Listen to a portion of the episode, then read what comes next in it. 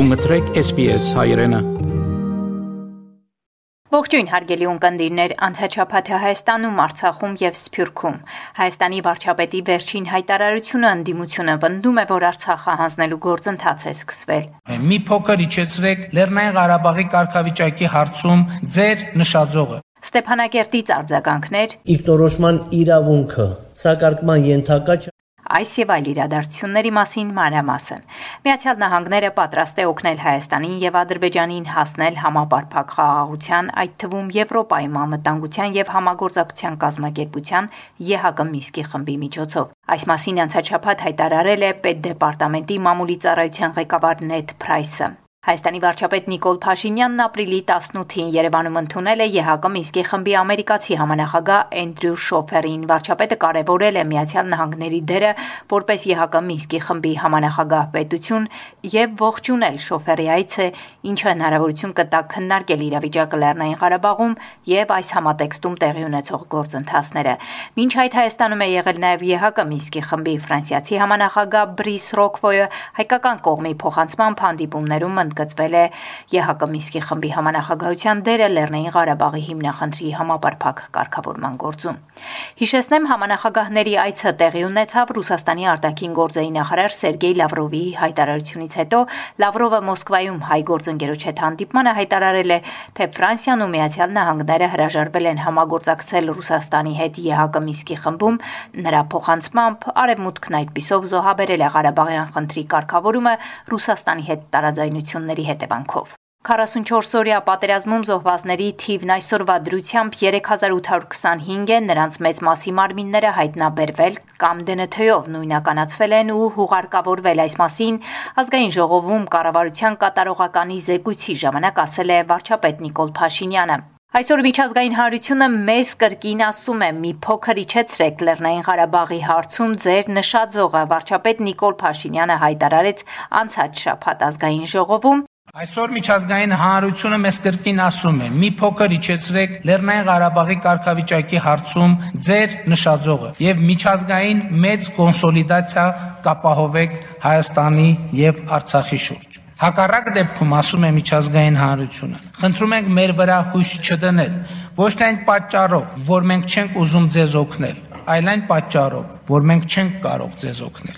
Այսօր միջազգային հանրությունը մեզ հստակ ասում է. Լինել աշխարհի միակ երկիրը, որը երկող մակարդակում չի ճանաչում Թուրքիայի դաշնակից Ադրբեջանի տարածքային ամբողջականությունը, մեծ վտանգ է ոչ միայն Արցախի, այլև Հայաստանի համար։ Վարչապետը Արցախի կարգավիճակի մասով ուշադրություն հրավիրեց փոփոխությունների կարևոր նրբության վրա, լսենք։ Եթե նախկինում մենք հիմքում դնում էինք Ղարաբաղի կարգավիճակը, դրանից բխեցնելով անվտանգության երաշխիքներն ու իրավունքները, այժմ հիմքում դնում ենք անվտանգության երաշխիքներն ու իրավունքները, դրանից բխեցնելով կարգավիճակը։ Այլ կերպ ասած, մենք արձանագրում ենք, որ կարգավիճակը տվյալ իրադրության մեջ ոչ թե նպատակ է, այլ միջոց ապահովելու Լեռնային Ղարաբաղի հայության անվտանգությունն ու իրավունքները։ Նոր իրադրություններին Արցախում արձագանքում են հստակ դիրքորոշմամբ Արցախի նախագահ Արայիկ Խարությունյանը Մարտակերտում խոսել է ծրագրերի չշեղվելու մասին։ Այն որ Արցախի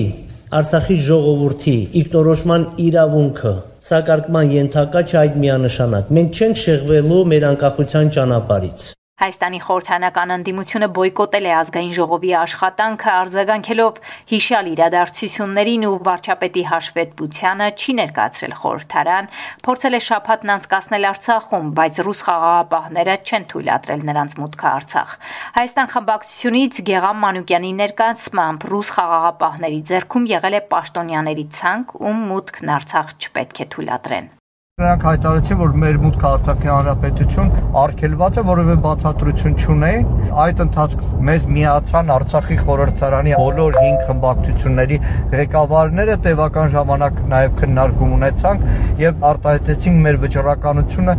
ամեն ինչ անել կասեցնելու Արցախը մեկուսացնելու, Արցախը հայաթափելու համաձայնությունները Միջադեպին անմիջապես արձագանքել է Հայաստանի արտգործնախարարությունը, խաղաղապահների գործողությունը նոեմբերի 9 Հայաստանի Երակողմ հայտարարությանը հակասող որակելով, իսկ նախարար Արարատ Միրզոյանը խորհրդարանում պարզաբանել է կապ է հաստատել Ռուսաստանի եւ Արցախի բարձրաստիճան պաշտոնյաների հետ ռուսական կողմից եղել է պարզաբանում, որ սադրանքներ կարող են տեղի ունենալ եւ ահա այդ սադրանքներից Լեռնային Ղարաբաղը զերծ պահելու համար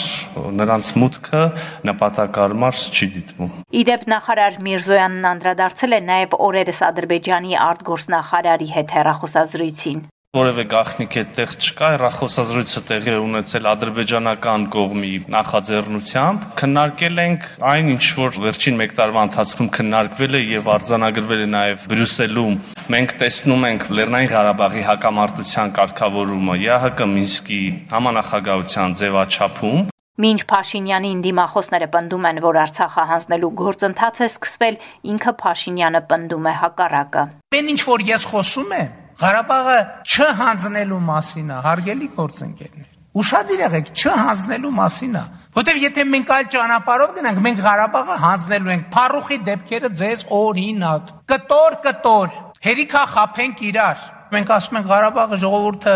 դուրս չպետք է գա Ղարաբաղից։ Ղարաբաղի ժողովուրդը Ղարաբաղում պիտի ապրի, Ղարաբաղի ժողովուրդը Ղարաբաղում պետք է ունենա իրավունքներ, ազատություններ, կարգավիճակ։ Ղարաբաղի ժողովուրդը Ղարաբաղում պիտի լինի Ղարաբաղցի, Արցախցի եւ հայ։ Սրա մասին է խոսքը։ Ընդդիմությունը բողոքի ակցիաներ է սկսել, որոշ անդամներ էլ հայտարարել են Ազատության հրապարակում անժամկետ բողոքի ակցիայի մասին։ Ազգային ժողովի պատիվ ունեմ խմբակցության ղեկավար Արթուր Վանեսյանի խոսքով. Մեկ նպատակի համար հանուն մեր մեծ հայրենիքի անվտանգության, մեր Արցախի հանրապետության, մեր Հայաստանի հանրապետության անվտանգության, հանուն հայ ժողովրդի լինել չլինելու համար Արցախ. Արցախի ազգային ժողովն արտահերտ նիստում հայտարարություն է ընդունել. Падգամավորները պահանջում են որ Հայաստանի իշխանությունները հրաժարվեն իրենց ներկայիս դիրքորոշումից ոչ մի իշխանություն իրավունք չունի խաղաղության պատրվակով Արցախի համար անընդունելի կարգավիճակի ինչպես նաև միջազգայինորեն ճանաչված ինքնորոշման իրավունքի բանակցային նշաձողնի չեսնելու ասվում է հայտարարության մեջ Արցախահայությանն աննից դիմում ենք. Աշխարհասփյուր հայությանը այս արդար պայքարում միասնաբար եւ վճռականորեն կանգնել Հայաստանի եւ Արցախի մեր եղբայրների ու քույրերի կողքին։ Հայաստանի Հանրապետության ազգային ժողովի մեր գործընկերներին չշեղվել Հայաստանի Հանրապետության Գերագույն խորհրդի 1992 թվականի հուլիսի 8-ի որոշման ուղեգծից։ ԵԱՀԿ Մինսկի խմբի համանախագահ երկրների ղեկավարներին ջանքեր գործադրել պահպանելու Լեռնային Ղարաբաղի հիմնախնդրի կարգավորման միակ միջազգային մանդատ ունեցող ձևաչափը։ Արցախի կարգավիճակի հարցը ոչ թե նշաձող է, այլ կարմիր գիծ այն բարձրացնել եւ իջեցնել հնարավոր չէ Հայաստանի խորհրդարանում Նիկոլ Փաշինյանի հնչեցրած ելույթին ի պատասխան արձագանքել է Արցախի արտաքին գործերի նախարար Դավիթ Բաբայանը։ Գիտեք, ես չեմ իմանում ինչ է դա նշանակում, ասինքն պետք է իրեն հարցնել, բայց մենք ունենք ոչ թե նշաձողի խնդ, մենք ունենք կարմիր գծերի խնդ։ Դա կարմիր գիծ։ Այդ կարմիր գիծը որևէ մեկը իրավունք չունի խախտելու։ Արցախը չի լինելու Ադրբեջանի կազմ։ Սփյուռք. Արցախի անկախությունը սակարկության նյութ չի կարող լինել Արամ առաջին կաթողիկոսն է հայտարարել։ Եվ մեր սպասումն է, որ Հայաստանի պատասխանատուները, Հայաստանի ժողովուրդը, ինչպես Արցախի ժողովուրդը, կարենան իր հավաքական կյանքը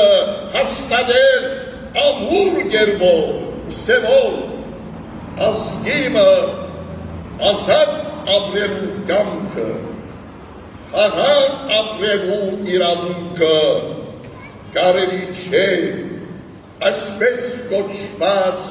աշխարհակաղակական պայմաններու լույսին տակ թեյական դարձնել։ Արցախի շուրջ ծավալված իրադարձություններին Քրիստոսի Սուրբ Հարության տոնի իր падգամում անդրադարձել է նաև ամենայն հայոց կաթողիկոս Գարեգին II-ը նշելով, որ պիտի ճանաչվի Արցախի ազատ ու անկախ ապրելու իրավունքը։ Ֆրանսիայում Ադրբեջանի դեսպանատան դիմաց ապրիլի 14-ին կազմակերպվել է բողոքի ակցիայի պաշտպանություն Արցախի։ Աստեղ են մերցայինը բոլորին միացուցած, որ մենք Արցախի բեդության, Արցախ հայրենիքին եւ Արցախի մեր սիրելի ժողովրդին գողքին ենք։ Արցախը լքված չէ, Արցախը առանցին չէ, Արցախը չի գրնար առանցինը լալ։ Մենք Արցախին հետ ենք, մենք ենք Արցախը։ Հունաստանում կազմակերպվել է Քայլերթ նվիրված հայոց ցեղասպանության 107-րդ տարելիցին։ Մասնակիցները Թուրքիա ձեռքերը թերու Արցախից եւ Հայաստանից Արցախը հայկական է եւ կմնա հայկական վանկարկումներով քայլել են դեպի Թուրքիայի դեսպանատուն։ Անցած օրերի իրադարձությունները Հայաստանում, Արցախում եւ Սփյուռքում SBS-ի համար ամփոփեց Գիտա Իլբեկյանը։ Հավնե, լայք, բաժնեկցե, դարձիկը թայտնե, հետեւե SBS հայրենին թիմադեդի վրա։